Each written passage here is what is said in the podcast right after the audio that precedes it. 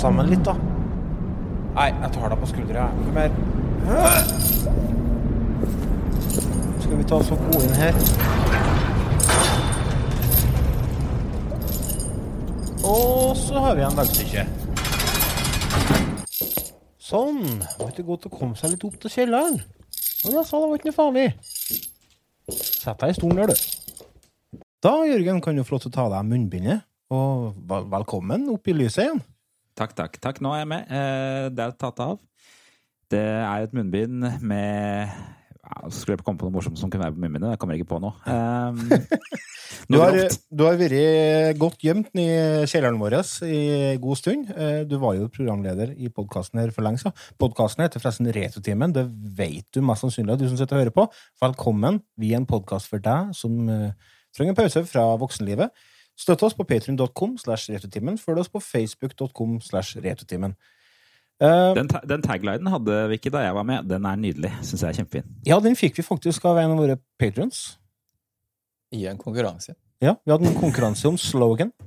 Yes. Så, Yes, det er jo litt retro i seg selv. Ja, ja, ja. Det er litt sånn som eh, flaskepost og sånn Se og Hør-flasker. Jeg jobber jo for øvrig i det stedet hvor man kaster ut Se og Hør-flasker nå. Oi, er du det? Jobber du på Se og Hør? Det Se og Hør er eid av samme firma. Mm. I hvert fall, velkommen skal du være. Og Takk, takk. velkommen Remi. Hei. Hei! Takk. Endelig tilbake. Vel, Back in black. Eller Back. grey, i hvert fall. Ja, du Ja. sitter i singlet for å fremheve dine Bulgende muskler. Ja. Bul ja, Heter, stemmer. heter jeg bulgende? Nei, jeg vet ikke. Jeg oversatte bulging, men eh, ja, det ble feil, kjente jeg. Hørte jeg. Hva, hva er forskjellen på helsetrøye og singlet? Er det to forskjellige ting? Må må Ja. helsetrøye være netting, eller? Ja, må det ikke det? Er ikke det litt sånn wife-beater? Jeg har netting, alltid lurt på eh, hvor helseeffekten av det kommer fra.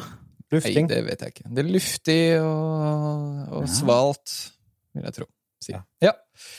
Nei, vi er tilbake igjen med en ny episode. Vi, vi er på gang med en episode fullt av eh, variert innhold. Vi skal annet ta en liten prat med en Jørgen om det som skal skje nå i august. Så jeg lurer på om vi bare skal ta vår faste spalte først, som vi bruker å starte med, som heter Hva har du gjort siden sist? Så jeg vurderer jo om jeg skal krysse inn panda nå. Det her blir jo ikke bra. Så Jeg ble kontakta av en bekjent, og han hadde 160-170 laserdiskplater. Hva heter det? Tvangsjakke? Eller tvangsgenser? Jeg husker ikke hva det heter. tvangstrøye. Tvangstrøye. Genser. Hva har du gjort siden sist? Jeg er såpass eh, frekk og freidig i dag at jeg har lyst til å starte med å fortelle hva jeg har gjort siden sist. Jeg har eh, begynt å se en TV-serie. Det, det er fortsatt mye TV-titting, altså jeg har lagt til meg nye vaner i koronatida. Har dere hørt om en eh, serie som heter High Score? Ja, den kom jo altså på innspillingsdagen. Kom den i dag? Jeg har ikke sett på den ennå. Kom først 19. august. Det er overraskende bra. Det, var, det er jo en, eh, som kanskje dere lytter lyttere hører, en serie som handler om TV-spill. High Score. Mhm. Og i tittelen så ligger jo da at eh, det kanskje er litt gammelt. For eh, nå snakker vi ikke om high score lenger. Det var jo bare før i tiden. Mm. Jeg har sett to episoder. Første episoden så snakker de blant annet Det er et intervju med han eh, godeste Tomohiro Nishikado. Hvem er det? Det er han som har laga Space Invaders. Ah, ja. Ja. Får vi høre litt eh, hva som var inspirasjonen bak eh, den eh, kreasjonen. Også Ja, for det er vi- high score opp av dage. Ja, ja, ja. Du får ikke mer high score enn det. Og så har vi jo en Toru Iwatani, han som laga Pacman. Han får vi sna- snakka litt med, eller høre litt Mm. ifra. Om opprinnelsen til Pacman, pizzabiten og alt det der. Han var på en restaurant, og så tok de et stykke pizza, og så formen som var igjen, var Pacman. Mm. Det er liksom starten på det, og så snakker de litt om eh, om eh, Atari, hvordan det starta, og liksom helt den uh, Og til og med snakker jeg om uh, spillkassetter og Fairchild Channel F.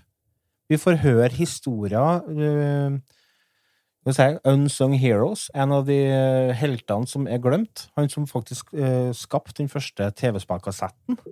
Å ja, Ja. spennende. Så det er, det er veldig interessant, og det, du får høre intervju Da får vi høre intervju med sønnen for eh, han eh, fyren som hadde laga den. heter for eh, Jerry Lawson. Han er død, da. Okay.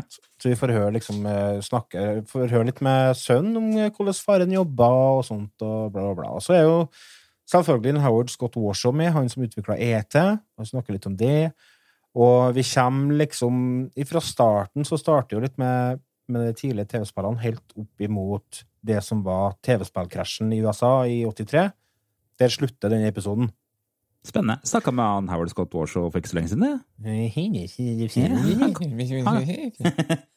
Jeg har et, uh, har et uh, uåpna Yars Revenge. jeg. Ja. New in box. Jeg skulle ha han til å signere på retroturmessa var i forrige i fjor, men han kom ikke. Kunne ikke. Nei, han ble syk. Så Han ble syk, ja. Mm. Nei. Veldig frustrerende. Men jeg har det fortsatt, da. Så, Det spillet er De sier at det er så bra. Men eh, jeg må si det at når jeg har Jeg har aldri prøvd det, men jeg har sett selvfølgelig spill, altså videoer av det. Det Mm. har liksom ikke frista så jævlig. For jeg har ikke skjønt hva det der veggen i midten er for noe. Ja, riktig. det er litt den alt er relativt-tingen. Ja, det er noe med det. Det er noe med det. Eh, det, det er kult. Det var nok ganske innovativt. Og så er det en litt kul spinn på et, et eh, liksom utgått konsept, da. Ja. Men det er ikke noe mer enn det. Kan jo si at ET òg var innovativt. Og uten tvil. Uten Ja. tvil. For innovativt er jo det som er problemet. Ja.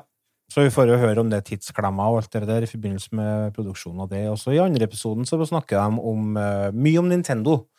Og, Ja. og Donkey Kong og den uh, eh, rettssaken som var der. Og, så det er eh, veldig nerdete, men veldig artig. Og bra produksjonsverdi.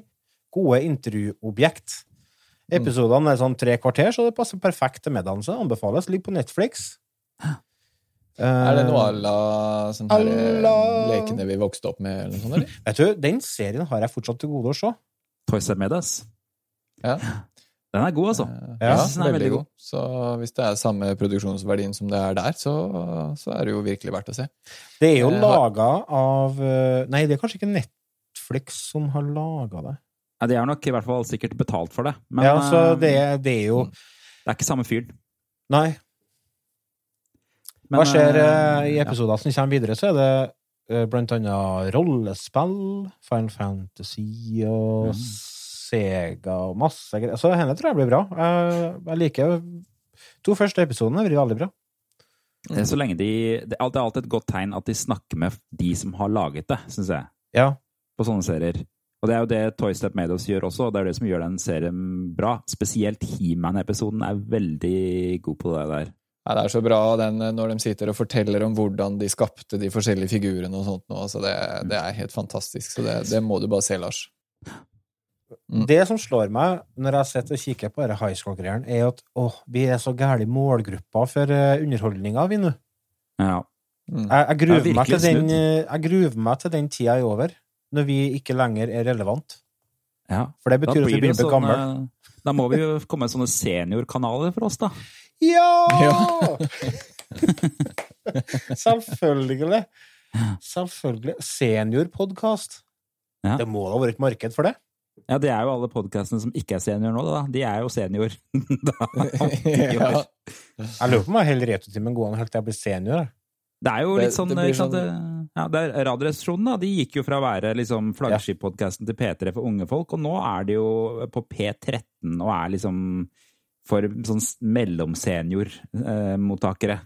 Jeg tror den, eh, det blir bare sånn naturlig gang. Ja. Akkurat som at du blir eldre, så er det bare en sånn naturlig eh, Segway over til Mm. senior-podkasten. ja. ja. Og så blir man sint fordi man ikke skal være i mainstream-media lenger, eller hva det kalles. Enn du har, Remi? Eh, vet du, jeg har gjort så mye i det siste. Eh, jeg har jo ikke vært med på podkasten heller, så eh, jeg har fått kjøpt meg hus. Jeg har kjøpt, eh, tatt over huset til meg og eksen. Hey. Så det er jo en kjempestor ting i livet. Eh, Det er jo helt fantastisk. Ja, veldig, veldig deilig.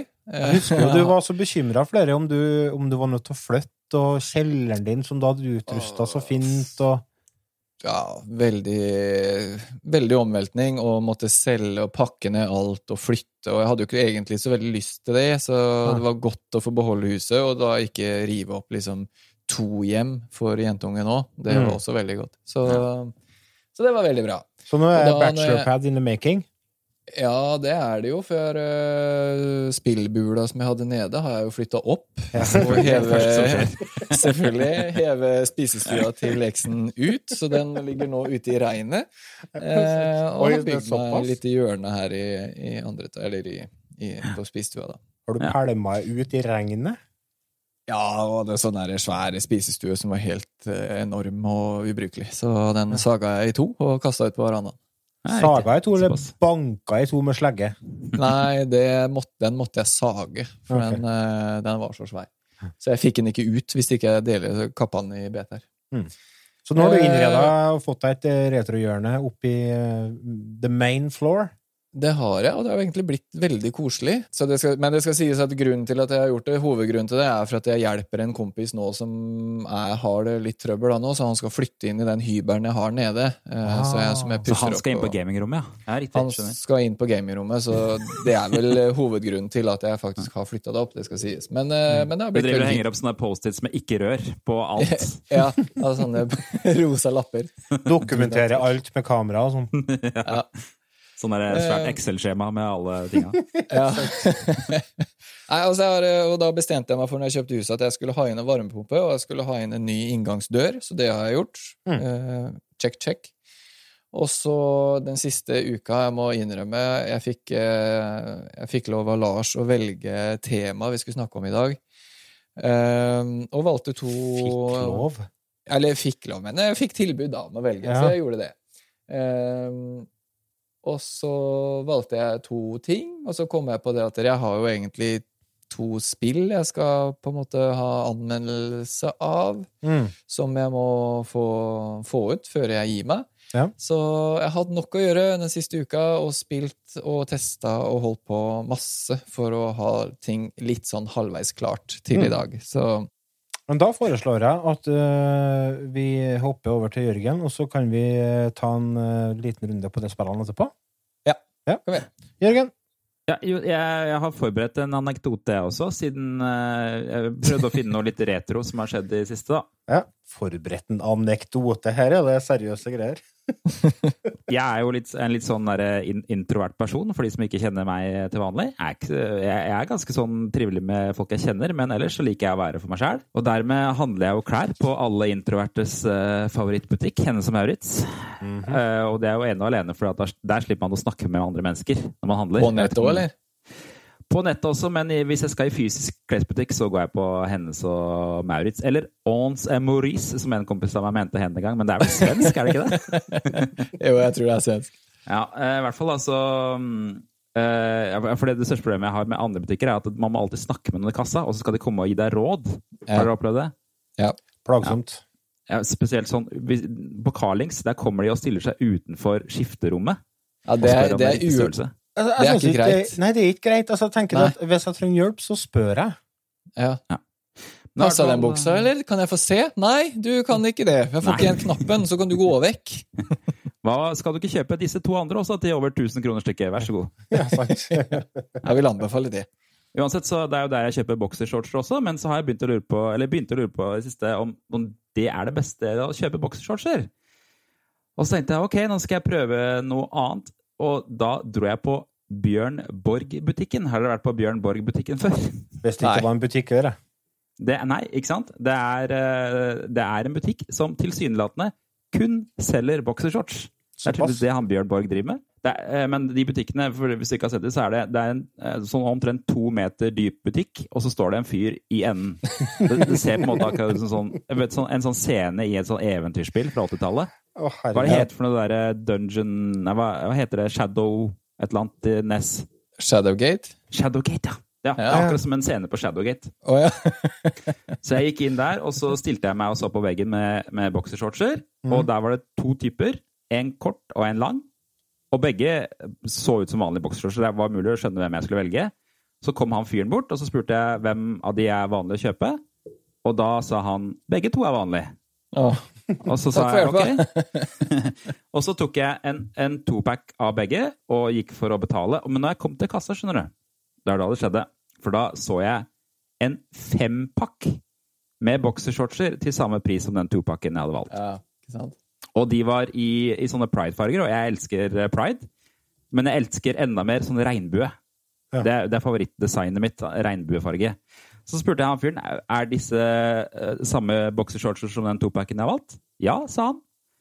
Men når jeg kom hjem skjønner du, og pakka de opp, så viste jeg at det var truser. Ja, Sånn truser. Og nå har jeg en fempack med pride-truser, og jeg er blitt trusemannen. Så jeg går med truser. Eller litt sånn retro å gå med truse nå, føler jeg. Ja, det, er litt, det er veldig retro, faktisk. Ja, Viser seg. De ser forferdelige ut, men de er veldig behagelige. Er det det? Ja. De er naturlig sånne comfy balls, for de går jo bare rundt. Stopper der. Da stopper og ligger, holder dem godt på plass, Ja. liksom? Ja. Så, Men men, eh, har det en utrolig. sammenheng med at ballene begynner å henge litt mer når du blir gamlere? Så det er derfor at det er greit å begynne å bruke trus igjen? Det vet jeg ikke om jeg tør å spekulere i, men det funker i hvert fall greit med truser. Ja, ja, ok. Jeg vet ikke, hva er det, det vet jeg ikke om Er det sånn at eh, gamle folk begynner å bruke truser på et tidspunkt, eller er det bare at eh, gamle folk alltid har brukt truser? Jeg tror det er det siste. Ja, tror jeg ja, òg. ja. Så det er veldig spesielt at du For du brukte sikkert trus når du var liten. Jeg, jeg, jeg hadde forresten alle sett for meg at jeg skulle snakke med deg om, men uansett. Og så gikk det over til bokser, og nå er du blitt en trusemann igjen.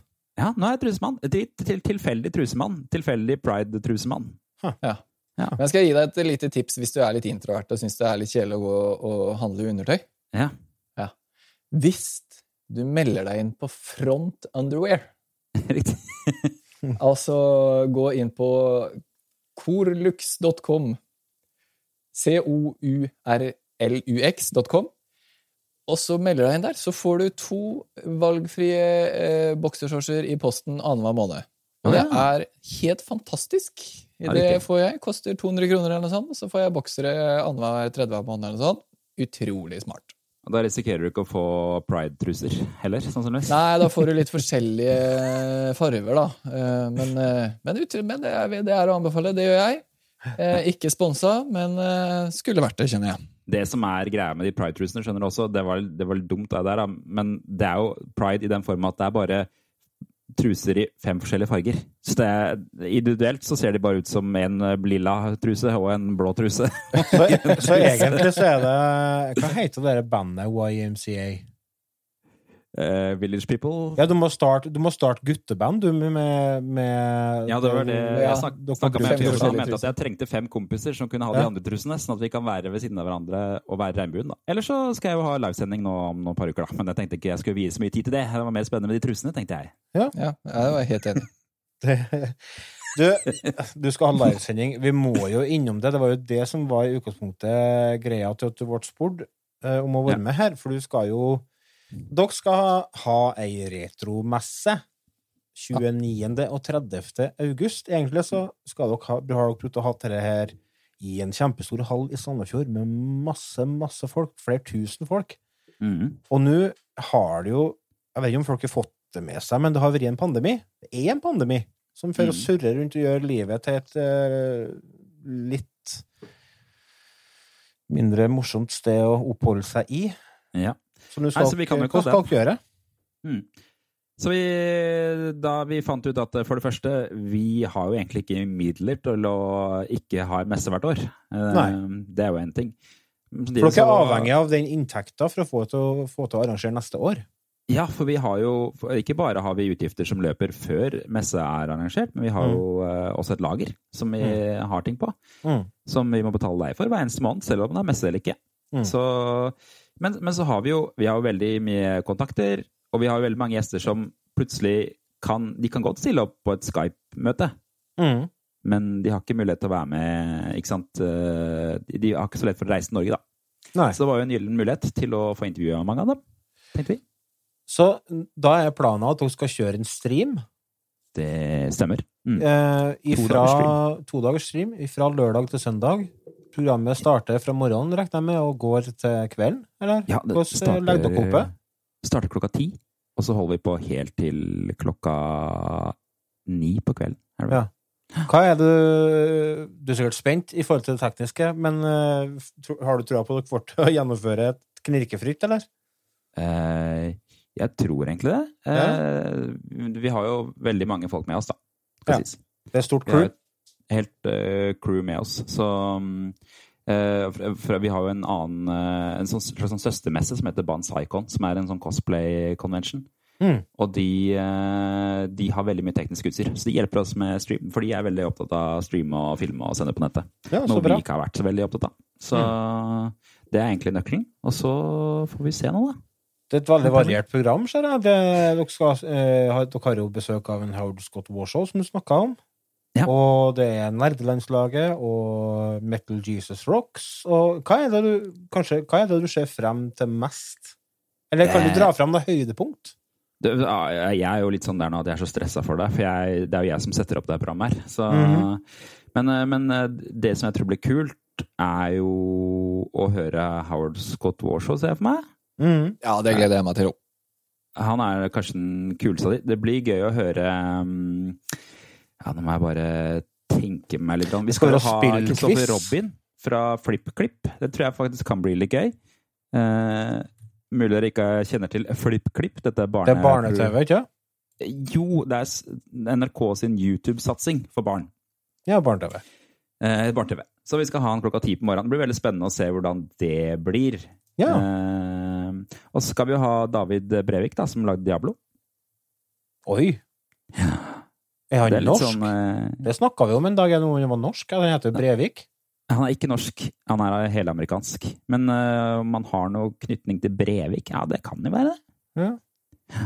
Uh, I tillegg så skal uh, ha- De har jo intervjuet allerede Trip Hawkins, da, som er en litt sånn kul kar eh, som vi kommer til å sende det intervjuet med. Mm. Vi får hjelp av de spelledåsene i år, den pod, i den podkasten. Ja. De, har gjort, eh, de kommer til å gjøre aller fleste av eh, de Skype-intervjuene. Det stemmer, det. Eh, Det er jo en podkast dere bør sjekke ut, kjære lyttere. Det er en veldig livlig gjeng. De har jo vært gjester til oss ved en par anledninger, og jeg hørte en episode nå der de snakka litt om det med, med intervjuene og sånn, at de var veldig spent. Jeg tror de gleda seg veldig. Ja, de jeg tror nok de var, var litt nervøse. Det Trip Hawkins-intervjuet har vi spilt inn på forhånd. Det Trip Hawkins er for øvrig han som starta EA Games, eller mm. EA. Og spesielt da EA Sports. Det har liksom vært hans sånn eh, kjepphest, er det det heter? Det har i hvert fall vært hans eh, liksom, barn, da. Ja, ja. Og så har han laga spillkonsollen 3DO, som, som mange har hørt om. Ja, ja ikke sant? Det var liksom, De floppa astronomisk. Men så er liksom det store spørsmålet som alle våre lyttere lurer på. Hvorfor i helsike er ikke Retrotimen invitert? Ja, ikke sant? Det kan man lure på. Nei, det har egentlig å gjøre med at vi jobba jo egentlig ut fra å få flest mulig folk i studio. Mm -hmm. Så det er jo det som egentlig har vært eh, greia. Ja. Og eh, vi har vel egentlig jobba ut fra hvem kan vi få ned til Sandefjord, og hvordan kan vi gjøre det med mest mulig smittevern. Ja. Så, Bra unnskyldning, bra unnskyldning. Nei, men dette blir spennende. Eh, dere har lagt opp til sånn at folk kan donere. Mm. Eh, det vil si at streamen er gratis. Det er jo kjempebra. Stream er gratis, eh, så vi, vi- ønsker jo å få inn penger på det her. Det er vi jo helt åpne Mm. om. Eh, Ja, ja. Det er jo, handler jo om å få dette her til å funke fram til neste messe. Mm. Så vi, målet er jo å appellere til alle som liker retrospillmessa og retromessa, om eh, å hjelpe oss å holde det i gang. Dere som vil eh, gå inn og donere allerede nå, kan gå inn på retrospillmessen.no slash doner, så får dere opp et veldig greit uh, vips skjema som dere kan vippse alt ifra fem Mm. kroner til 5000 hvis dere vil. Vi kommer til å ha noen Under selve sendinga så kommer vi til å ha noen aktiviteter for de som vipser, bare så det er nevnt. Oi, så kult. eh, Jeg kan tease det litt her. Vi skal blant annet ha en slags eh, segment vi kaller Kan du slå Jan? Hvor Oi. eh, litt av poenget blir at man kan eller Jan kommer til å spille typisk Mario Kart mot noen. Oi. Så kan eh, de som eh, ser på, vippse for å få unlocke ting som hindrer Jan. For ha. eksempel kanskje en banan i fjeset. Oi, det høres ut som noe jeg har lyst til å prøve. Ja, det stemmer. Det blir en slags sånn, kommer til å dele streamen, i hvert fall, så kanskje vi får til å Jo, nei, dere må vi få til å gjøre noe med. Ja. Det blir artig. Det blir kult. Og jeg- det er typisk sånn Det blir jo litt sånn som å spille Hugo, ser jeg for meg. Det er det jeg tenker. Det fantastiske telefonspillet som du ringte inn på TV-en Mm. og brukte Stemmer, det. telefonen din å styre med, og så var jeg lag herifra til helvete. Det var veldig delay, så Ja. man trykka alltid feil. Ja, ja, Man måtte alltid stå på en sånn stokk i en elv, og så måtte man prøve å hoppe fra stokk til stokk. Jeg husker vi for gjennom sånn, sånn eh, tunnel inni en sånn gruve. Ja, Ja. den husker jeg Det. Stemmer. Ja, mm. ja, det var en annen, ja. Nei, men det blir kult. Retrospillmessen.no for mer informasjon. Vi tar en liten pause. Vi er straks tilbake.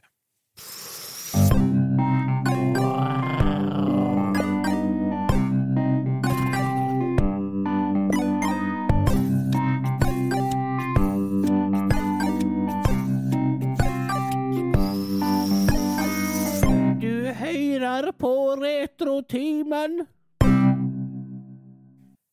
Remi, du har fått noe spill du skulle eh, snakke litt om, du. Ja, fått litt spill, og må ærlig innrømme at i denne episoden her så har jeg bitt over altfor mye enn hva jeg klarte å tygge og svelge. Og jeg klarer å tygge og svelge mye, for å si det sånn. Eh, hva, det, det, du kan ikke si sånn. Er det lov å si? Du kan svelge mye. jeg kan svelge mye, jeg har ikke brekningsrefleks heller. Skal vi se. Jo godt å se på Nei, det her. er, eh, den sitter langt bak i så fall. Jeg fikk eh, av Bergsala en kode eh, hvor jeg fikk lov å teste Snackworld, The Dungeon Crawled Gold. Til 3DS? Til, nei, til eh, Switch. Ah, ja. Eh, den ble lansert 14. februar 2020, så det har jo vært ute på markedet en stund. Mm. Eh, men fikk lov å teste det litt, og det var virkelig ikke min type spill, altså.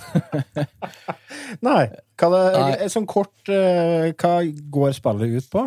Du sier er Dungeon Nei, Crawler.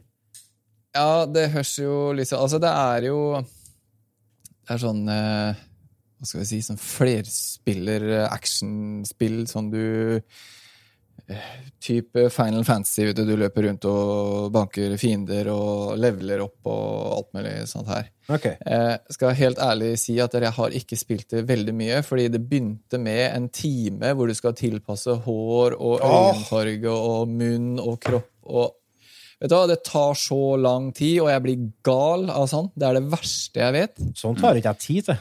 Nei, Nei. det bare går rett videre. Ja, det er bare trykk, trykk, trykk, trykk, trykk. Men det tok fryktelig lang tid, og så tenkte jeg ja, jeg skal gi det et ærlig forsøk, da. ikke sant? Så jeg lagde jo min egen figur og eh, Ja. Men innen jeg liksom fikk begynt å spille og sånn, så var jeg egentlig litt lei. eh, og det er veldig rosa og veldig mye farger og veldig, veldig mye spill. Mm. Eh, og veldig mye dialog i begynnelsen, så du skal prate med veldig mange og så før du kommer ut på eventyr i det hele tatt.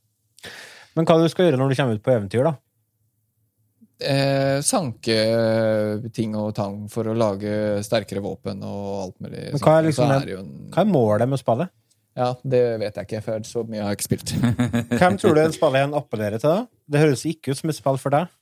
Nei, det er ikke et spill for meg. Eh, jeg prøvde å la jentungen min eh, spille det litt. Hun er mm. seks år. Mm. Eh, appellerer ikke til henne heller. Eh, mulig hun er litt for ung, men eh, eh, helt ærlig så vet jeg ikke. Men barnevakten.no skrev Ja, få høre. Snackworld The Dungeon Crawl Gold er et artig, fargerikt og humorfullt spill der man møter sjarmerende figurer som skal ut og slåss mot minst like fantasifulle skapninger. Grafikken er flott og innbydende. Og jeg tenker, Når det er det du har å skrive, når du skriver at det- et, noe er sjarmerende, så er det sånn Ja, har du lyst til å møte venninna mi, eller øh, tenkte blind date? Hun var, hun veldig sjarmerende, altså. Ja. Så vet du det at dere Nei. Nei. nei det blir ikke noe. Jeg tror det er greit, jeg. Herregud, jeg sitter jo jeg sitter og ser på det nå, og det ser jo ut som, som mobilspill opp av dage. Ikke sant? Det, det gjør det. Så Å, gud a meg. jeg eh, fikk jo da, for ikke så fryktelig lenge siden, eh, et annet spill eh, som jeg også fikk lov å teste, og det er eh, Xenoblade Chronicles Definitive Edition. Def, definitive? Ja, Definitive Edition. Skjønner hvor mener. Ja. Og da lå på en måte Snackworld langt bak. Mm. Eh, Xenoblade, Chron Chronicles det kom ut på Wii var det i 2011. Eh, Gammelt det spill, da. Det er et gammelt spill, så det her er på en måte oppussa versjon til Switchen som jeg snakker om nå. Mm.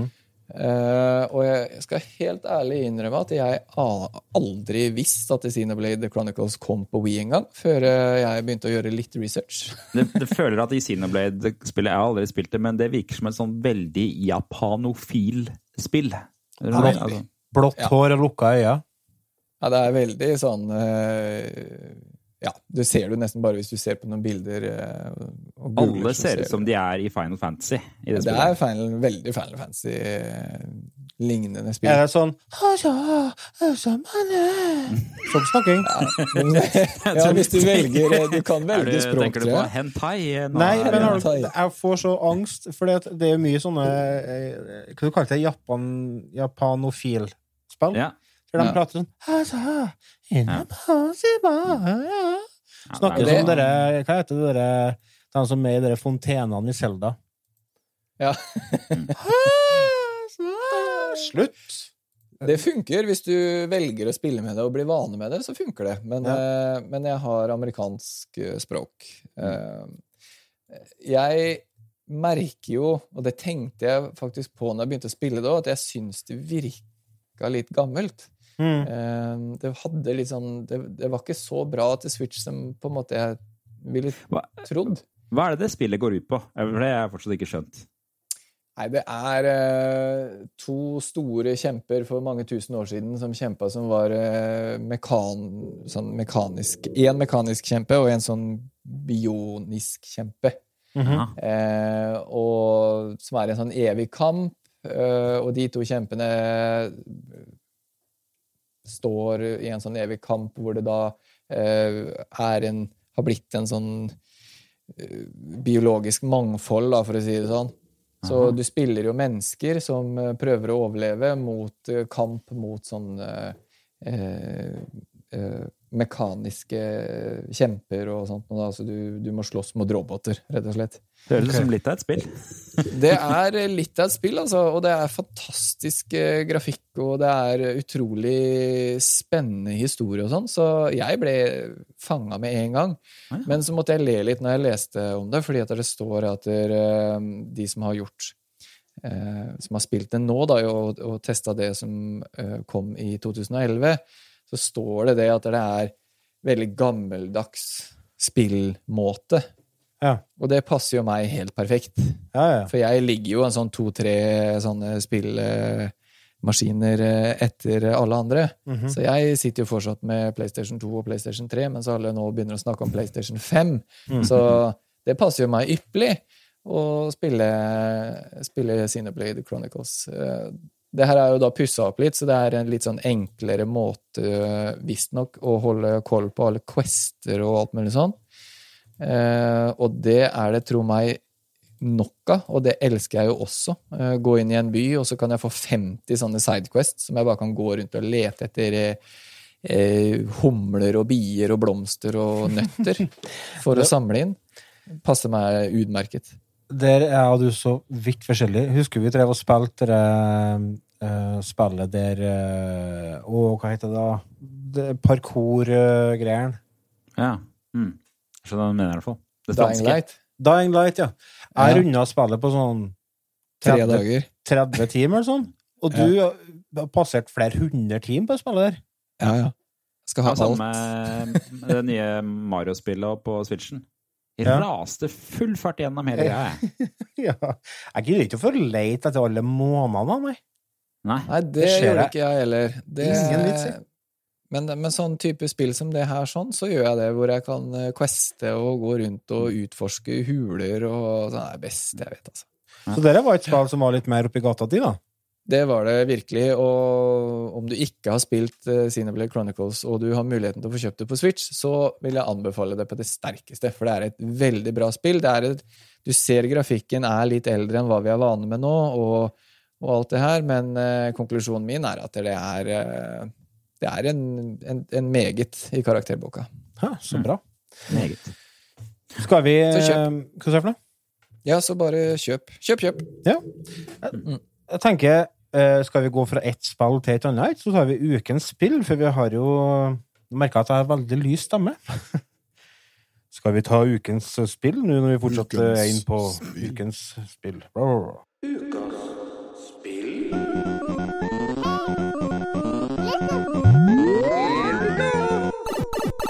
Ukas spill!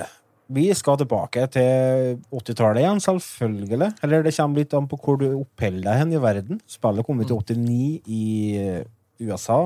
91 her i Norge. Et spill som jeg husker at jeg leste om uh, når jeg var liten. Nemlig Adventures of Lolo. Yes. Det er et uh, såkalt uh, sånn uh, puslespill. Jeg liker ikke den betegnelsen puslespill. Det hva skal du kalle sjangeren? Ja, det er jo puzzle. Ja, jeg, er liker, jeg liker ikke å bruke engelske ord. Du liker ikke engelske ord, vet du. Nei. Så det er jo Nei. Det er jo såkalt et, et tenkespill. Ja, det, er, ja, sant. Det er et tenkespill. Ja. Det er eh, Du styrer en blå ball Mm. som skal redde en annen blå ball. Nei, den andre ballen er rosa, kanskje. Andre eller rosa, vet du. Lolo styrer du. Prins, du skal redde prinsesse som heter Lala. Du heter Ja. Bolo. Ja. Lala er blitt kidnappa av den onde king Egger. Stemmer. Så da må du reise til slottet til Egger, og der er det 50 rom eh, som er eh, lagt ut over ti etasjer. Stemmer. Og så er det forskjellige Det er noe, det er noe rart inni du skal, du skal inn i det rommet, og så er det noen forskjellige Du skal plukke opp noen sånne power-ups. Det gir deg muligheten til å skyte noen slanger og noe Ja. greier. Og så skal du komme fram til noe annet, og så må du inn i en dør. Og det er så forvirrende, det spillet. Jeg prøvde å spille det i stad. Det er det første spillet jeg har opplevd hvor eh, det er en dedikert knapp til å drepe deg selv. Ja, du har selvmordsknappen, ja. Ja, Det er select. Det har du. Suicide button. For, fordi det er så dårlig design på noen av bretta at du kan sette deg fast. Så da må du drepe deg selv. Da må du bare dø. Og sånn er det bare. Og den, Da er du en ekte helt.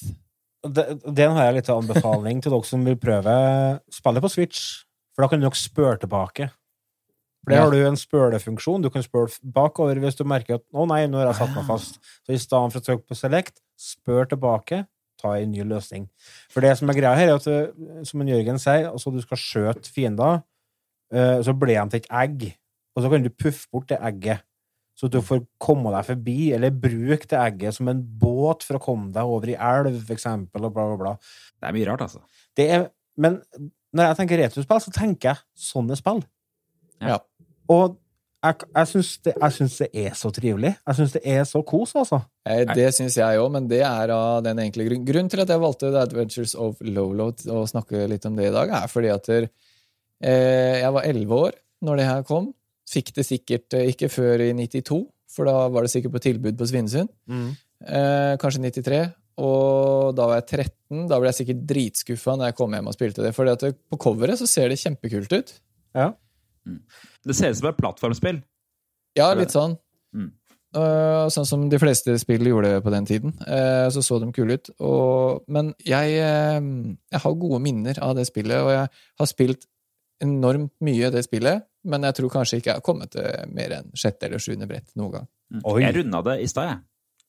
Gjorde du det? Men eh, jeg, begynte, jeg hoppa til siste banen, da. Ja, ok. Ja. Ja, for, altså, det er, det, det er, det er utfordrende.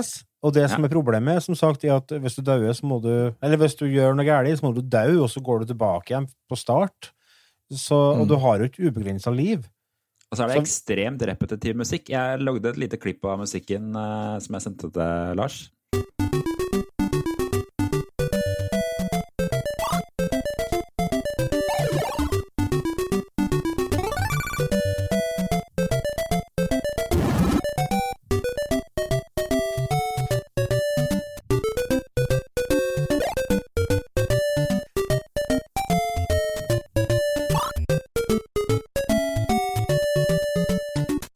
Tilbake til start. Kom igjen. Der begynner jeg. Kom igjen. Der, der stopper jeg. Så spoler du tilbake en podkasten 10-15 sekunder nå, en 50-60 ganger, så begynner du å bli lei. Det er veldig, det er veldig lystig musikk, da. Det skal de ha.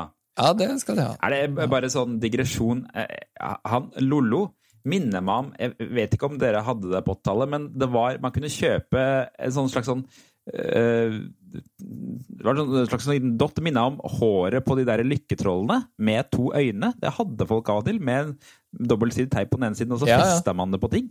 Ja, stemmer det. Ja. De hadde sånne gule føtter også, som du kunne lime overalt. Ja, det stemmer nok kanskje. Mm. Ja. Det kommer litt forskjellige farger. Ja, uansett. Helt enig. Eh, Lolo minner meg for øvrig også om et sexspill som var på PC eh, på 80- og 90-tallet. Riktig. ok. Det var vel også en eh, litt sånn kjent eh, puppedame, mener jeg husker. på den tiden. Eh, det kan nok hende. Det er jo ikke så mye mer å si om uh, sjøle spillet. Det, vi har jo Nei, oppsummert det. det ganske bra. Det er jo. Det Alt, er- alt foregår inni et slott, har jeg skjønt. Ja, Så alt er jo inni borgen til King Egger. Ja, ikke sant? Mm. Og, og det er tre i spillserien. Ja. Så Lolo 1, 2 og 3. Ja. Men jeg sjekka litt på nettet, og det er jo egentlig en helt annen spillserie. For spillserien heter egentlig Eggerland, og kom til MSX. Ja, stemmer det. Det hørte jeg faktisk. Jeg drev og hørte en annen podkast som prata om spillet, og de nevnte det der. Det, var, det kom ut på, på Eggerland. Det var på, det var på Famicom, det, kanskje? Ja, MSX og Famicom. Det var litt sånn overlapp mellom de to systemene, har jeg inntrykk av. Ja, det virker sånn. Mm, for der er jo eh, Men også fins det også Og det, er, det fins ganske mange av de Eggeland-spillene, og de fortsatte etter Adventures of Lolo. Jeg tror Adventures of Lolo er en kombinasjon av Eggeland 1 og 2. Ja, de har tatt de beste banene. Ja. Og så, men de, de holder fortsatt. Det kom ut et, eh, et sånt Eggeland-spill i 1996 også. Lenge etter disse her spillene. Det kom til Windows 95 Oi. og heter Eggeland episode 0. eh, Quest of Rara. Og det har sånn, sånn som du tenker at grafikk hadde på et spill til Windows 95. Sa du Rara? Quest of Rara, mener jeg det heter. Så det er liksom Det er ikke at det egentlig er Lala, bare at de ikke kan si L? det kan være ja. Det er i hvert fall sånn, Grafikken er sånn Donkey Kong Country Det er Lollo bare med Donkey Kong Country-aktig grafikk. Sånn fake 3D. Ja. Det er jo Mm. kanskje noe som man skulle ha testa ut, da. I hvert fall hvis man liker Adventures of Lolo. Mm. Um, en annet vi føler vi må trekke fram i det spillet? Det er jo det som er, En ting som var frustrasjon for meg i det spillet, var det at du rører deg eh, etter en sånn grid, sant? Ja. Mm. Men du kan puffe ting en halv grid fram. Fryktelig irriterende. Jeg bomma hele tida. Ja, altså helt jævlig. Og når du da, da i tillegg, hvis du flytter feil, så dauer du. Så Ja. har det liksom plutselig veldig mye å si òg. Den aller siste banen er sånn. Vil du vite hva som skjer når rundespillet? runder? Skal jeg avsløre det? Gjør det. Eh, det er jo sånn at eh, på, på starten av spillet så går du inn i en borg. Og det er en liten borg hvor det er litt sånn eh, Ser veldig grisgrendt ut rundt den borgen. Det er mye sand og ørken, Mm. og så er det noen trær. Mhm. Og når man runder spillet Først så får man jo selvfølgelig hun eh, kjæresten tilbake. Og så får man skjønner du, en cutscene hvor man må sitte og se på at alle trærne blir grønne. Og det er ca. 40 trær utenfor den der eh, hagen rundt. Så du blir bare sittende og se på det. Ja. Og jeg satt jo til slutten, og da etter det kom credits. Så det var det. Jo, jo, det var nå i hvert fall en cutscene. Det kunne ha bare stått eh, 'congratulation'. Du har gjort en god jobb òg. Kunne gjort det. Det. De la inn litt ekstra, de Lolo-utviklerne. Som for øvrig er HAL. De er jo kanskje mest kjente nå for Super Smash-serien. Ja, men de har òg laga Kirby, mener jeg. Ja, Kirby er liksom flaggskipet deres, og så nå er det liksom Super Smash Bros. For de lager jo alle Super Smash Bros-spillene, tror jeg. Visste du forresten en liten fun fact? Eh, Visste dere det at han som eh, Kirby er inspirert av, Mhm. det var han som leda rettssaken eh, for Nintendo når de ble saksøkt for eh, å kopiere King Kong Å nei, sier du det? i Donkey Kong. Ja, det er i den Det er intervju med han eh, Kirby. Han heter Kirby. Han het. Kirby. Og det manifesterte seg i en fyr som spiser alt? Det var Ja. veldig rart. Altså, det som Mm. var likheten, er at de eh, har ikke noe hår. Og så var de runde. Ja, riktig. Han var en stor amerikaner som spiste veldig mye sånne svære ja, sandwicher, ser jeg for meg, og det ble Kirby. Så det var en uh, liten eh, hyllest fra Nintendo, da, som uh, Og veldig solbrent. Ja. Men hadde, så tenker jeg, hva hadde skjedd hvis uh, Nintendo ikke hadde fått lov til å lage Donkey Kong? Nei, ikke sant? Da hadde kanskje Nintendo-verden vært litt annerledes i dag, for det spillet der, det var veldig viktig for utviklinga til, til Nintendo i USA. Ja, og så var det spillet før var jo en forferdelig flopp. Det derre Computer Space, eller hva det het for noe. Ja. Det var sånn romspill, i hvert fall, med en sånn Ja. veldig overreven eh, eh, arkademaskin. Mm. Skal vi dra fram karakterboka, og så gir vi karakter på spillet? Du, Jørgen, kan få lov til å gå først. Jeg, jeg vil si en, en eh, G til eh, G til M. Jeg syns det, er- det er et gøy spill. Mm. Så det, det er kontrollerer greit og sånn. Ja. Så Ja. GTM er bra. Ja. Remi, da? Eh, ja, jeg er enig med Jørgen. Ja, fordi nå som voksen så setter jeg mer pris på det spillet enn det jeg gjorde som barn. Mm. så jeg gir en GTM sjøl, jeg. Ja. Over middels. Her er et sånn perfekt spill som du kan ta opp og så bare spille litt, og så legge fra deg igjen. Det er veldig lett å sette seg inn i. Det er lett å, å begynne med, men du må tenke litt for å klare å komme deg helskinna gjennom. Jeg syns dette er et uh, veldig bra spill. Jeg gir det en G pluss. ja, ikke sant? Det kunne vært, uh, kunne vært et mobilspill, moderne mobilspill med litt oppussa grafikk og sånn. Absolutt. Da har vi faktisk uh, muligheten til å ta oss en pust i bakken igjen, før vi kommer tilbake med en eh, veldig spesiell film fra 90-tallet. Vi er straks tilbake.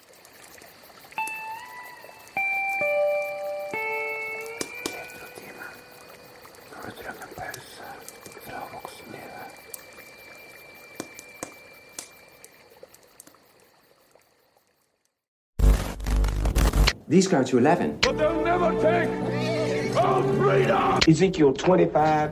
You're gonna need a bigger boat. Nobody puts baby in a corner.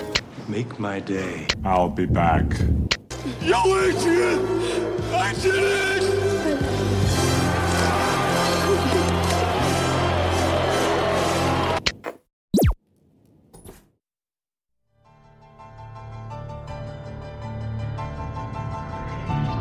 began in this little shop Oh! Damn roses. where, strange as it seems, something extraordinary happened. I'm afraid it isn't feeling very well today.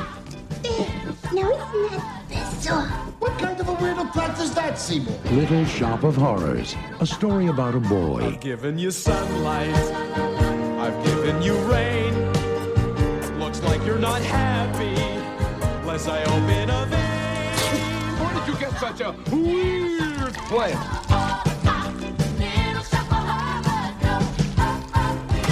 a girl You don't make a nice voice when you live on Skid Row, Mr. Mushnick. You know, this is my date, my boyfriend. Skal ikke spille av hele traileren, for at eh, det er noe med det med å, å sitte og høre på trailere, og det er ikke like artig som å se se Men jeg eh, fikk lyst til å se filmen en gang til, jeg nå. ja, dere fikk kanskje litt feeling av hva, hva dette eh, handler om. Det, det er Little Shop of Horrors fra 1986. Jeg sa 90-tallet før pausen. Jeg var litt Det går bra. ute å kjøre der.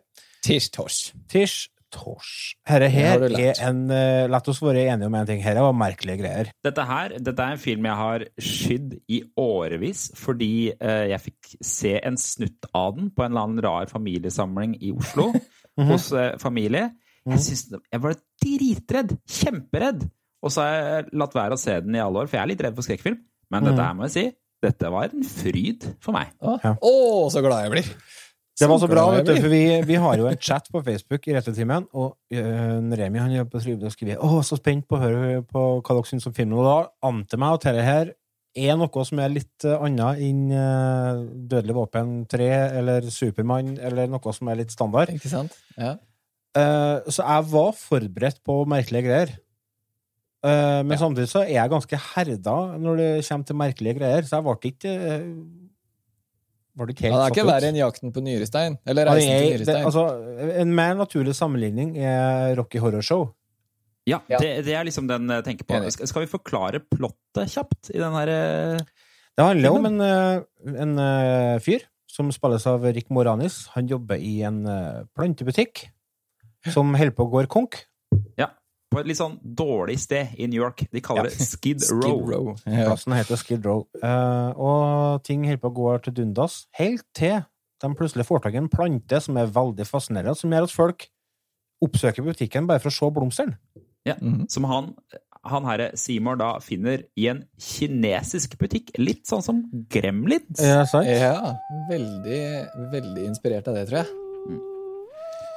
Og han klarer jo da ikke å få den planten til å trives eller vokse, inntil han stikker seg i fingeren og finner ut at planten liker best blod. Ja.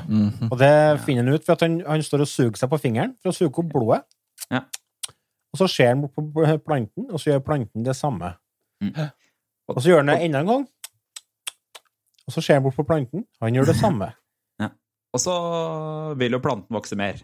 Og da blir eh, god gamle Seymour til en drapsmann. Ja, Han blir det. For han må fòre dere, planten med, med mennesker, rett og slett. Men det er en annen vesentlig ting ved filmen nå, og det er at dette er en musical-film. En litt Ja. sånn hata sjanger. Men det syns jeg ikke var et problem her. Nei, men det tror jeg nok eh, kommer mye av humoren i låtene. Ja.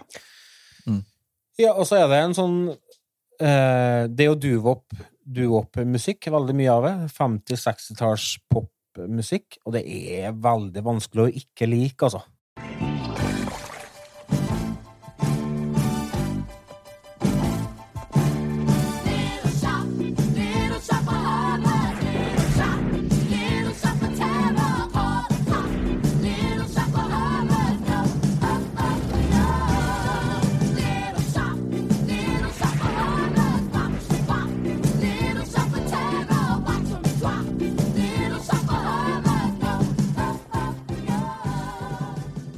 Vet du hva, Det minner meg om en eller annen sånn derre eh, tegneserieintro fra 80-tallet, gjør det ikke det? Ja, for så vidt. Når jeg Ja. Jeg tenkte når jeg, har jo vært bevisst på denne filmen kjempelenge. Eh, for den blir jo ofte dratt fram som en av de litt mer eh, eh, spesielle filmene fra 80-tallet.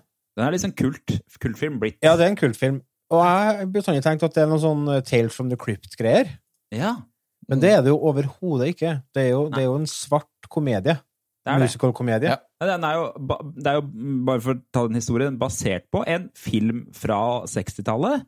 Ja. Som så ble gjort om til en musical, og Mm. så ble det en film basert på den musicalen. Det er veldig rart forløp til å lage en film. Ja. Du sendte jo meg en melding før i dag, eh, Jørgen. Er du klar over hvem som var med i den originale filmen?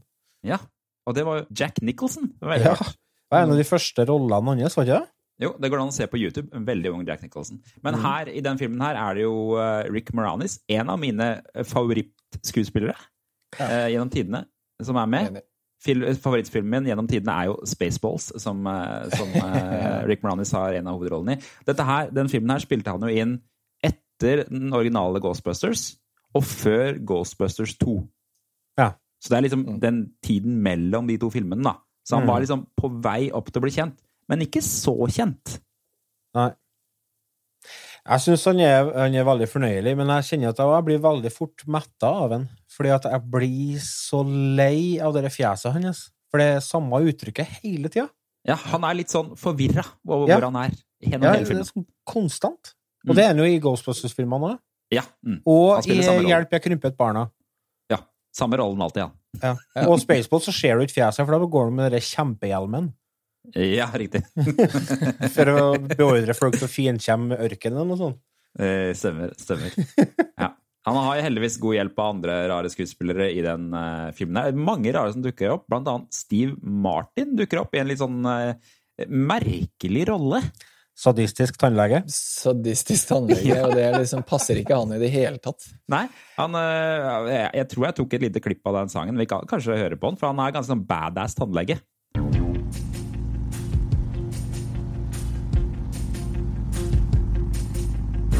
When I was younger, just a bad little kid, my mama noticed funny things I did. Like shooting puppies with a BB gun. I'd poison guppies, and when I was done, I'd find a pussy cat bashed its head. That's when my mama said, What did she say?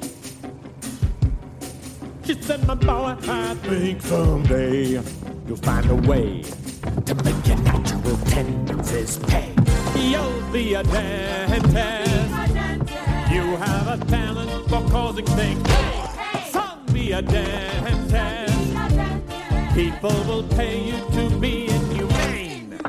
Your temperament's wrong for the priesthood, and teaching would suit you still less. Hvis du ikke klarer å ja, legge to og to sammen, så er jo dette her eh, Litt av greia er jo at han må jo finne folk og male til denne planta. Ja. Og han her er jo da kjæresten til eh, den jenta som eh, han eh, er utrolig forelska i. Audrey. Audrey, ja. Men Eh, verdens styggeste pratestemme. Ja, Ja. Hun høres akkurat ut som Cindy Lauper. Ja. Ok? Men du synger som ei gudinne, da. Ja, Ja. det gjør hun. Det Jeg har skal faktisk sies. et, eh, jeg, tror jeg har et lite lydklipp av hvordan Audrey høres ut der, eh, mener jeg. Don't yell at Seymour, Mr. Mushnick. Hi, Audrey. You look radiant today. Is that new eye makeup? Oh, I'll help him clean it up before any of the customers get here. That should give you a Vet du hva det minner meg om? Resepsjonisten i Twin Peaks. Ja, sant det. Det er samme karakteren. Ja, det er det. Litt sånn uh, forsiktig Hun- hun spiller jo en rolle som kjæresten til tannlegen, og tannlegen banker henne av, men hun føler ikke at uh, hun Nei. kan eh, fare fra henne, ham, etc. Ja. Mm. Så historien er merkelig og rar, og Rick Moranis for å myrde folk og mate den planten, og planten blir jo svær og farlig. Og det er jo det som er filmen. Men det som gjør filmen artig og verdt å se, er jo øh, blant annet den fantastiske planten. Ja. Det, Det- er, det er bra du dro opp den, for det For er det noe jeg liker å, å dra opp når det er i de gamle filmene, er en sånn øh, Jeg på å si animatronics. Ja. Eh, Ja, for den er så bra at Den det er ser ut som bra. det er 3D. Det er helt Ja. merkelig. Altså, men det, ser, det er liksom noe mer sånn ta og føle på greier med det enn 3D. Du ser at det ikke er 3D. Du ser at det er liksom en ekte ting som er i det rommet. Og jeg skjønner ikke hvordan de får det til, for det ser altså så bra ut. Spesielt når den planta prater og synger. Ja. Jeg syns fargene var så jævla fine. ja. Utrolig fine farger på den. Fargene er fine. Ja, jeg er enig. Når, når, når den planta synger, så uh, må de spille inn uh, i eh, Eller de spiller den inn, og han synger i halv fart. Å, ja. Men de uh, spiller videoen fortere oh, ja. når, når planta synger. Er For at det er så mye fikser- bevegelser. Fordi Ja, og- de, han klarer ikke å lage bevegelsene kjappe nok. Mm. Det tar ganske lang tid før den planta prater, og når den begynner å prate, så viser det at den har sånn, prater sånn jive. Ja, ja, ja, Ja, stemmer det. han har litt, eh, han har litt eh, accent. Jeg har faktisk litt, eh, litt opptak av den planta som synger eh, Den heter jo Audrey 2, den planta. Oppkalt etter Audrey, da. Ja.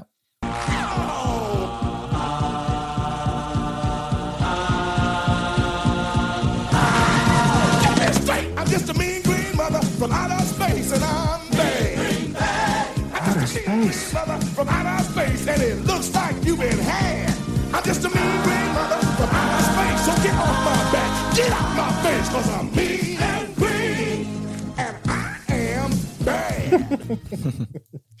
Det tok eh, faktisk opptil 60 teknikere for å, å få den planta til å bevege seg sånn som de ville. Ja, på den store, store versjonen av På den største versjonen Wow. som Han som sang på slutten eh, i sangen vi nettopp hørte, så var det opptil 60 teknikere. Ja, For den er jo dritsvær, den planten blir på slutten. eh, Den var jo Jeg tror det er nesten fire meter høy. jeg. Ja, den er kjempestor. Så det at det Og dere er jo, det er jo som Jim Henson-varer her. For dere som ikke vet hvem det er, så er jo han som har laga Muppets. Mm. Ja, Muppet Show. er Jim Eh, Henson involvert. For jeg, filmen er regissert av Frank Aas, Ja. som er Ja, Jim Henson er uh, involvert, ja. Barna hans var til og med involvert i filmen. De hadde noen sånne cameoer. Den er, den er regissert av Yoda. Er ikke det bra Ja. å tenke på? det er litt spesielt. Det var litt spesielt. Eh, han Frank Oss, han har jo laga Det er jo ikke bare Yoda han har hatt, han har jo flere, han ikke? Han er jo sånn puppet eh, master. Jo, han har jo vært med på Sesam, Sesame Street og alt der her. eh. Han som Max Mekker. Ja. Bor du fortsatt langt unna den togstasjonen? Eh, nei da, den er i nærheten her, den. Det er Lørenskog togstasjon. Ja, Jeg syns det er så koselig at du bor nede ved Sesamstasjonen. Sesamstasjonen, ja, det er koselig. Ja, sant det. Mm. Bill Murray var en tur innom. Mm. Ja. Bill, ja, Bill Murray var der, ja. Bill Murray kom en tur innom, en eh, ekte masochist. Ja, han spiller vel eh, Ja, riktig. For den karakteren er i originalfilmen også. Eh, Ja, han spiller en som elsker å gå til tannlegen, han. Mm. Ja, han elsker egentlig å få bli eh, plaga og Ja. pint. Eh, og da passer det jo bra at han går til en eh, sadist av en eh, tannlege. Stemmer det at han improviserte? Ja, han improviserte all dialogen. Ja. Mm. Og de hadde jo flere opptak eh, hvor han eh, gjorde forskjellig, eh, forskjellig hver gang. Ja. Ja. Det er en annen konge. låt i den filmen her, som da jeg hørte den i filmen, så ble jeg litt sånn Er det den sangen? For den har jeg hørt i andre settinger uten å ane hvor den var fra. Kan jeg få tipp hvilken låt det er? Ja, det kan du få. En av, de, en av det som altså, Hitene fra denne musikalen er jo den låta som heter Suddenly Seymour, så jeg tipper det er den. Ja, det er jo en slags ballade. Ja. Mm. Show me a face, clean as the morning. I know things were bad, but now they're okay. Suddenly, Seymour is standing beside you. You don't need no makeup, don't have to pretend. Suddenly, Seymour is here to provide. Fin låt, da. Den er det. Og synger ikke så ille heller, han Rick Moranis. Nei, nei, nei. Det er greit. Jeg det funka kjempebra, det. Jeg vet ikke om vi skal si noe mer. Jeg har ikke lyst til å, jeg ikke lyst til å spoile slutten. Altså, Dette er en kultfilm. Med andre ord, det er veldig mange som ikke har sett den. Ja, det tror jeg, og det er absolutt Ja. Nå, jeg sagt å se, selv om jeg visste mye om den. Det skal sies. Og eh, det er jo ekstra spennende altså, å, å finne filmer med Rick Moranis er litt sånn eh, kult nå, fordi at han forsvant jo fra filmbransjen. ja.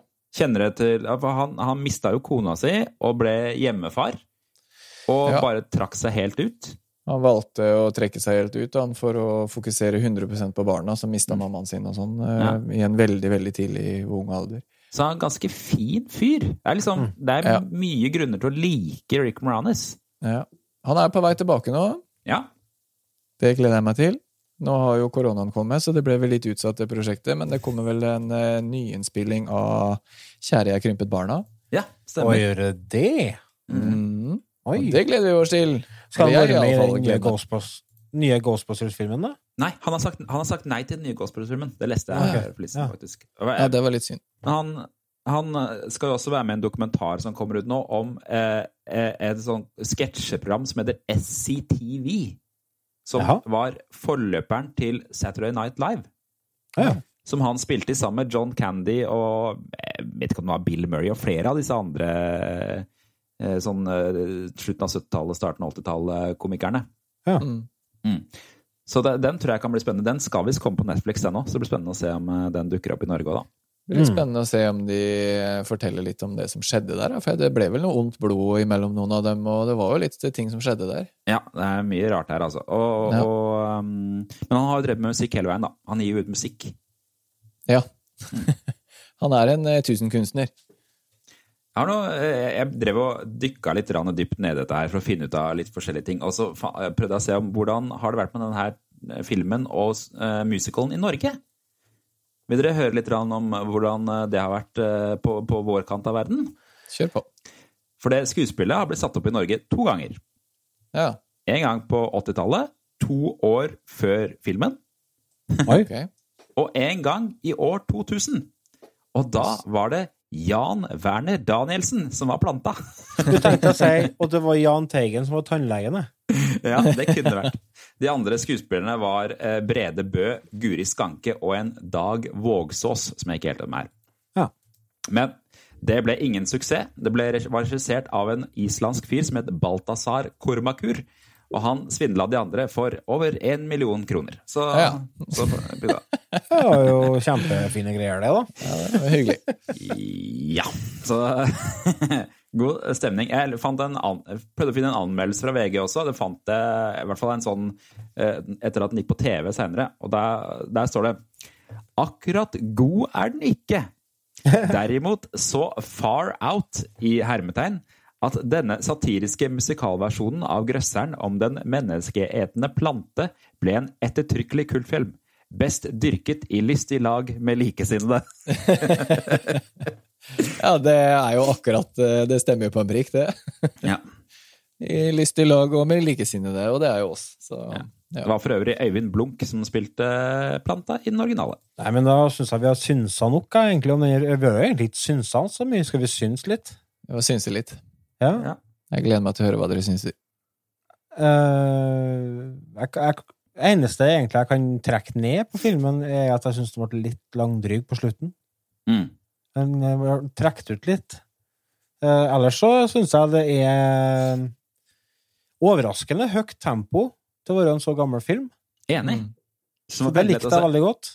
Altså, det var litt sånn selvmotsigende. Altså, jeg sa at det trekker ut på slutten, men at det er høyt tempo. Det er liksom bare siste, altså, siste 20 minuttene. For når vi på en måte finner ut at ja, ja, planten eh, er evil og skal spise alle i hop, da er på en måte katta ut av sekken. Ja. Og da kan de egentlig bare Runde av. Ja. Ja. Og så likte jeg veldig mye av musikken. Jeg synes det var, jeg har gått og nynna på den, eh, den eh, Little Shop of Horrors. Den syns jeg Ja. var kjempekul. Enig. Jeg også. Hele dag har jeg gått og nynna på den. Så likte jeg at det var, det var eh, Til tross for at det er mye eh, 50-tallsmusikk, så er det ganske bra variasjon i, i musikken òg. Det er det. Så nei, herre var, herre var saker jeg likte. Takk, Remi, for at du introduserte meg for denne filmen. Jeg er strålende fornøyd. Dette her kommer til å gå, den kommer til å gå inn i biblioteket mitt som en av de filmene som jeg kanskje vil se om igjen. Mm. Yes. Kanskje flere ganger. Det er kvalitetsstempel, altså. Ja, det er det. Eh, Eller ja, det, det er opp til tolking, det, for så vidt. Men, eh, jo, det kan du jo si. men jeg også er det jo eh, Jeg er litt sånn på sånn musical-greiene om dagen. Nå er det jo um, Det var ikke så lenge siden vi så, jeg så den der Book of Mormon, som jeg likte veldig, veldig godt. South Park-greieren. Mhm. Og den er god på norsk, altså. Skikkelig god på norsk. Er Atle Antonsen med der? Nei, det er eh, ja, Svein Nordin? Det er ingen av de. Ah. De er, ja, de er kjente, men ikke så kjente, altså. Men de, var- de var veldig gode i de uh, rollene sine. Og den er jo den er ganske drøy, den uh, musikalen, da, skal sies. Du tenkte jeg på Ridderen av det runde bordet. Ja, den har jeg også sett på live på norsk. Der var, der var jo han der Atle Antonsen med. Ja, stemmer det. Mm, ja. Mm. Den er også veldig god. Musicalkjøret? Ja, men det fins hver kjør å være på enn det. Ja, og så er det jo den. Hamilton, da, som uh, nå er den nye store som er ute. Såg du Har du sett at uh, han godeste kongen sjøl, Weird Al Jankovic, Jankovic har laga ei låt som oppsummerer hele musicalen? Nei, det Den er fantastisk. Den Det anbefaler jeg å se. Det er en sånn reaction-video eh, der eh, vi får se videoen, og så han regissøren av Hamilton sitter og kikker på det for første gang, og han flirer så han er på revne til tider. Det er kjempebra. Det må du se. For øvrig, eh, han som har laga Hamilton, har jo også laget musikken til Vaiana, denne Disney-filmen. Ja. Hvis man noen gang har lurt på hvorfor musikken der er litt bedre enn vanlig Disney-film. Har ikke sett den. Nei, anbefales. Den er god, altså. Ja. Skikkelig god. Men så det, så det var det. Så men den her passa liksom fint inn i den eh, linjen jeg driver med nå, med sånn musical-filmer. Og så var den Mm. ganske morsom. Remi, kan du fortelle hvorfor du valgte filmen? Ja. Jeg har filmen på VHS, hatt den i mange, mange år. Har uh, syns, uh, alltid syntes filmen har vært uh, veldig bra. Har ikke sett den på mange år, så jeg gleder meg til å se den igjen. Og det som var litt gøy når jeg så den, så jeg har alltid hatt for meg sånn der merkelig greie når jeg er sulten. Så sier jeg, går jeg rundt og sier sånn Åh, feed me! Ja. Ja. Feed me! Og det har jeg egentlig litt glemt bort hvor kom fra. Og jeg har sagt det i mange år, kan min ekskone, holdt jeg på å si, kone, ekskone, bevitne. Eh, og når jeg så filmen nå, så var det sånn Ah! Det er der jeg har det fra. Mm. Ja. Det er jo Audrey 2 som sier det. Eh, og jeg eh, digger jo musicals og, og ser det, sluker det rått. Så mm, jeg gir filmen en eh, mm, meget pluss. Ja. Altså, jeg storkoser meg med den filmen. Det er der, ja. Ja, ja, ja. ja. Helt klart. Og det er den, den planta og hvor bra alt er lagd, og musikken og alt det er. Det er en meget, meget bra film fra 1986. Jeg, skal ikke, jeg kan jo gi en karakter, jeg, òg. G pluss igjen. Jeg er på G pluss. eh, Nei, jeg er minus for den. Jeg syns den var såpass bra. Ja, jeg syns ja, jeg, jeg lander på en M. jeg. Syns den, den, jeg synes den var eh, trivelig, og den skjems ikke av at det er en musicalfilm. Noe som nesten alle andre musicalfilms skjems av. Eller Tidens tann. Ja, jeg tenkte heller det. Altså ja. at den eh, du, du tenker ikke egentlig over at den er fra 1986. Det, det, det rare er altså Nå har det jo blitt litt moderne igjen med TV-serier og filmer som ser ut som et skuespill. Ja. Og den er litt der. På en, måte, er sant, på en litt rar måte, men det, funker. Og hvordan er det mulig at den planta, altså Audrey 2, ikke er sånn en ikonisk popkulturting på lik linje med Mogwai og alt det Ja, litt rart. Litt rart, faktisk. Hvordan er det mulig? For den er så karikert og liksom tydelig, den planta. Mm. Og kul. Det, det er fordi at det er såpass sær historie, tror jeg. Kanskje det er det. Nei, At det, det, er det. at det, det fenger ikke eh, alle. Jeg skal for moro skyld gå på ebay.com, Og så- skal jeg søke etter Audrey 2. Bare for mens, å du, se. mens du gjør det jeg, Hvis den her hadde blitt satt opp nå, så kunne jeg vært tilbøyelig til å sett den på, som musical på teater. Mm. Ja, det hadde vært kult. Det er Mhm. artig. Eh, nei, på eBay så kan du få kjøpt en sånn uh, popfigur, sånn Funko-pop Uh, Ja, riktig. Av, eh, av Audrey 2, eh, Mm. lille planta. Så det, det er å få tak i. Jeg er jo ikke så fan av sånn Funko Pops, men den kanskje Nei. der ser jeg for meg at den Men kan den, funke. eh, Den, den var det- den. Den var litt kul. Nei, men da, da er jeg fornøyd, jeg. Jeg er fan, jeg. Jeg er blitt fan. Jeg er fan, jeg er fan, fan, fan. Bra. Hei, Retrotimen-følgere. Ganske nøyaktig om noen få minutter, veldig nøyaktig, så setter Lars og Remi seg til å spille inn eh, i hvert fall den foreløpig siste episoden av Retrotimen, der Remi er med. Jeg skulle gjerne ha vært med dem, men eh, som eh, dere kanskje vet, så har jeg valgt å ha et yrke der eh, ja, der det ikke bestandig er forenlig å bare stikke av. Eh, nå så sitter jeg i traktoren her. Og må slå gras, for eh, hvis jeg ser litt østover, så er det svarte skyer. Så da må vi peise ned noe gras, så vi får inn det. Men eh, tusen takk, Remi, for eh, flotte, fantastiske mennesker du er. Eh, du er en ja, det gikk ikke an å tape så lenge i gangen. Takk, Remi, for at du er den du er. Fantastisk, flott, herlig person som eh, jeg har satt veldig stor pris på å bli kjent med. Og få lov til å ha den ære å spille inn podkast i lag med flere ganger. Både liveshow og vanlige podkastepisoder. Tusen takk. Takk for alt du har bidratt med, for alt du har gjort for Retrotimen. Og så håper jeg at vi kan få nødt oss av deg senere òg. Du er jo ikke død. Du er jo bare slutt jo bare i retrotimen. Takk skal du ha. Hei. Det var Ottos i Helsing, det, Remi. Og jeg må jo hive meg på, jeg òg. Du, altså, du er ikke død, men Jeg er ikke eh, jeg må si jeg òg tusen takk for eh, du, skal jo, du skal jo slutte nå, så det har vært helt fantastisk å ha deg med i podkasten, og eh,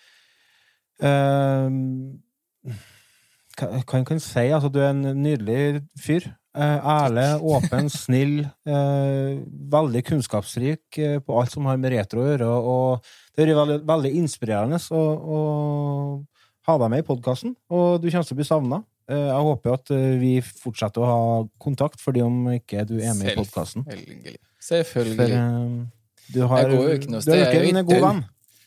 Ja, helt klart. Det er jo ikke bare i podkasten og de timene vi sitter og prater eh, inn i mikrofonen vi prater sammen. Det er jo mye på fritiden og, Det blir jo og sånne ting òg. Så eh, jeg har jo ringt deg og prata med deg eh, på kjipe kvelder òg, jeg, så Mm. ja, det har vært eh, vi, har, vi har blitt gode venner alle sammen, og det, det forsvinner ikke. Det er jeg helt sikker på. Masse gode minner fra podkasten. Eh, Det skal sies. Eh, Snakker om hadde- eh, minner, og nå som vi har med Jørgen her sånn. eh, Jeg husker helt i begynnelsen, første gangen jeg var gjest, da var jeg med Jørgen og var det Trond? Ja, Jeg husker det ikke. godt, Ja, det er så lenge siden. Jeg husker ikke. Men da husker jeg jeg fikk eh, beskjed at du må ikke prate når vi spiller eh, jingler og sånn, for da den, det, det får vi ikke bort. Hvis du prater under jingeren, så får vi ikke bort det. Så du må holde helt kjeft. Ja. Så, ja. så vi har kommet litt lenger i dag. Kanskje Ja, det. innså at man måtte ha lokalopptak. Ja, det var litt, eh, var litt sånn Og den episoden kan jeg ikke høre på engang, for det er helt forferdelig. Den første episoden hvor jeg er med, den klarer jeg ikke å høre på. Det har blitt mange episoder. Ja, det har blitt et par hundre, vel? Mm, det var det. Ja. Og vi tok jo farvel med en eh, Rasmus eh, i ikke forrige episode, men episoden før der. Og da leste vi opp noen hilsninger. Eh, og dem var jo til deg òg, så da foreslår jeg at Eller da bestemmer jeg at vi leser opp dem til deg òg. Og da er vi fra en Fred Inge, som er Patrion. Hei, Fred Inge. Han Hei, skriver Fred Inge. fin tid forbi, men dere kunne jo hatt retrotimen på si. ja, Det er ikke sånn det funker. Det er ikke sånn det funker, Fred Inge. Du kan ikke ha Nei. på si, dessverre. Du kan ikke få kaka di og spise den samtidig. Nei. Det går ikke. Det var et nydelig rim, da. Ja. Ja. En fin mikstur i podden blir bort, men vi satser på at alt blir ordna opp. Uansett så blir dere savna, det syns både jeg og meg. Masse Ja. lykke til videre. Det har vært trivelig å høre på dere, skriver han. Mm. Også en Espen Aasved. Han skriver retrotimen uten rasta på femeremi. Ikke mer tvangsgenser og B minus. Ja, Tvangsgenseren forsvinner ikke, altså. Nei, vet du, jeg satt og snakka med en eh, Otto om det. Hva skal jeg gjøre med alle jinglene nå? Unnskyld Jeg meg, men det gidder er, det, er det Espen Assweed? Han leste feil navn. altså. Ja, stemmer. stemmer. Ja, han har blitt assweed. Han er assweed, ja. uh, så på snakket, jeg gidder ikke å begynne å lage nye jingler, men så fant jeg at vi skal ha med de gamle jinglene som blir sånn litt sånn hyllest. Ja. Ja. Så har vi en Trond Borgersen. Han eh, vet jo alle hvem er. Han var jo med, Han var med i podkasten i mange, mange, mange, mange, mange episoder. Takk for at dere tok over roret for både Jørgen, Jan Olav og undertegnede, og fortsatt, fortsatte casen sammen med Lars Otto i mange fine episoder. Stemmene, engasjementet og underholdningen dere ga oss lyttere, vil bli savnet. Vi møtes uansett i fremtiden. Også Det høres jo litt sånn ut som en er død, liksom. Jo, men altså, det er så Men rart er- med det. Altså, Ja, lytterne får et forhold til deg, da. ja gjør jo det. Andreas Blir det Aarlot? Andreas Aarlot skriver han er en ny Patreon. Oi, da blir det inntrøndercast framover, da. Så nå blir det bare potet og hjemmebrentsnakk. Og så har vi en Andreas Sola. Uh, han nå er vel Patreon, tror jeg. Mm. Tusen takk for mange timer med kjempegod underholdning. Håper henne ikke blir siste gangen dere tar turen innom Retrotimen. Jeg har lov å være gjest av og til òg, vet du. Dere er virkelig noen kanon kongefolk, begge to. Masse lykke til videre. Og så har vi en hilsning fra en Odd Nordby Skaug. Trist. Tusen takk for bidraget til min favorittpod. Dere har beriket podden med mye kunnskap og humor. Dere vil bli savnet. Ja, Han jeg tror nok veldig mange kommer til å savne hemoroideprat og Altså, en Christer Ottesen. Det var trist å høre. Dere vil bli dypt savnet. Åsj. Tish-tosh. Så tenker jeg Det er eh, noe du har lyst til å si helt på tampen her nå av din karriere i rettslivet? Har du noe avsluttende ord? Eh, nei, eneste jeg vil dra fram, er det at eh, jeg står fortsatt ved det at eh, hemoroidene må fram i lyset og prates om. Eh, det er min, min oppgave her i livet, er at det er ikke noe vits å lide i stillhet. Nei. Så slutt med det. Og har du en hemoroide og du sitter litt vondt og du sitter litt skjevt, så si det til alle på jobben. At sorry, altså, men jeg fikk en hemoroide i går, og det, det er jævlig vondt. Ja til mer åpenhet rundt hemoroider. Det er liksom Nei. Eh, vet du hva, jeg, eh, jeg syns det er trist å, å slutte i retrotimen, fordi at jeg er veldig glad i retrotimen, og jeg har, jeg har lagt mye timer og arbeid og ressurser, og kall det hva du vil, i retrotimen. Men eh, det er nå sånn at en gang så må man bare innse at det ikke Det er ikke mer å hente. Eh, Og det Sånn er det nå. Gikk Sånn ut med et smell, da. Med en ja. film som alle elsket. Ja, Og det et var spill veldig som gøy. alle syntes var helt mye på tre. Så det, da, er, da er jeg veldig fornøyd. Da er jeg veldig, veldig fornøyd. Det er bra. Uh, Jørgen, tusen takk for at du var med som gjest. Det var veldig trivelig å ha, ha deg med igjen. Uh, så tenker jeg at når vi skal ta opp Spaceballs, da må du være med. Ja, det hadde vært gøy. Eller når dere skal ta opp Har dere tatt opp Winter Olympics ennå? Uh, nei, Nei. jeg tror ikke. Nei. Da vil jeg være med òg. Ja. Fader, altså. Og tusen takk til dere kjære lyttere som sitter og hører på oss. Eh, Uten dere, ingen oss. Uh, følg oss på facebook.com slash retrotimen. Støtt oss på patrion.com slash retrotimen. Så sier vi bare takk for oss. Vi, vi høres. Vi høres fortsatt.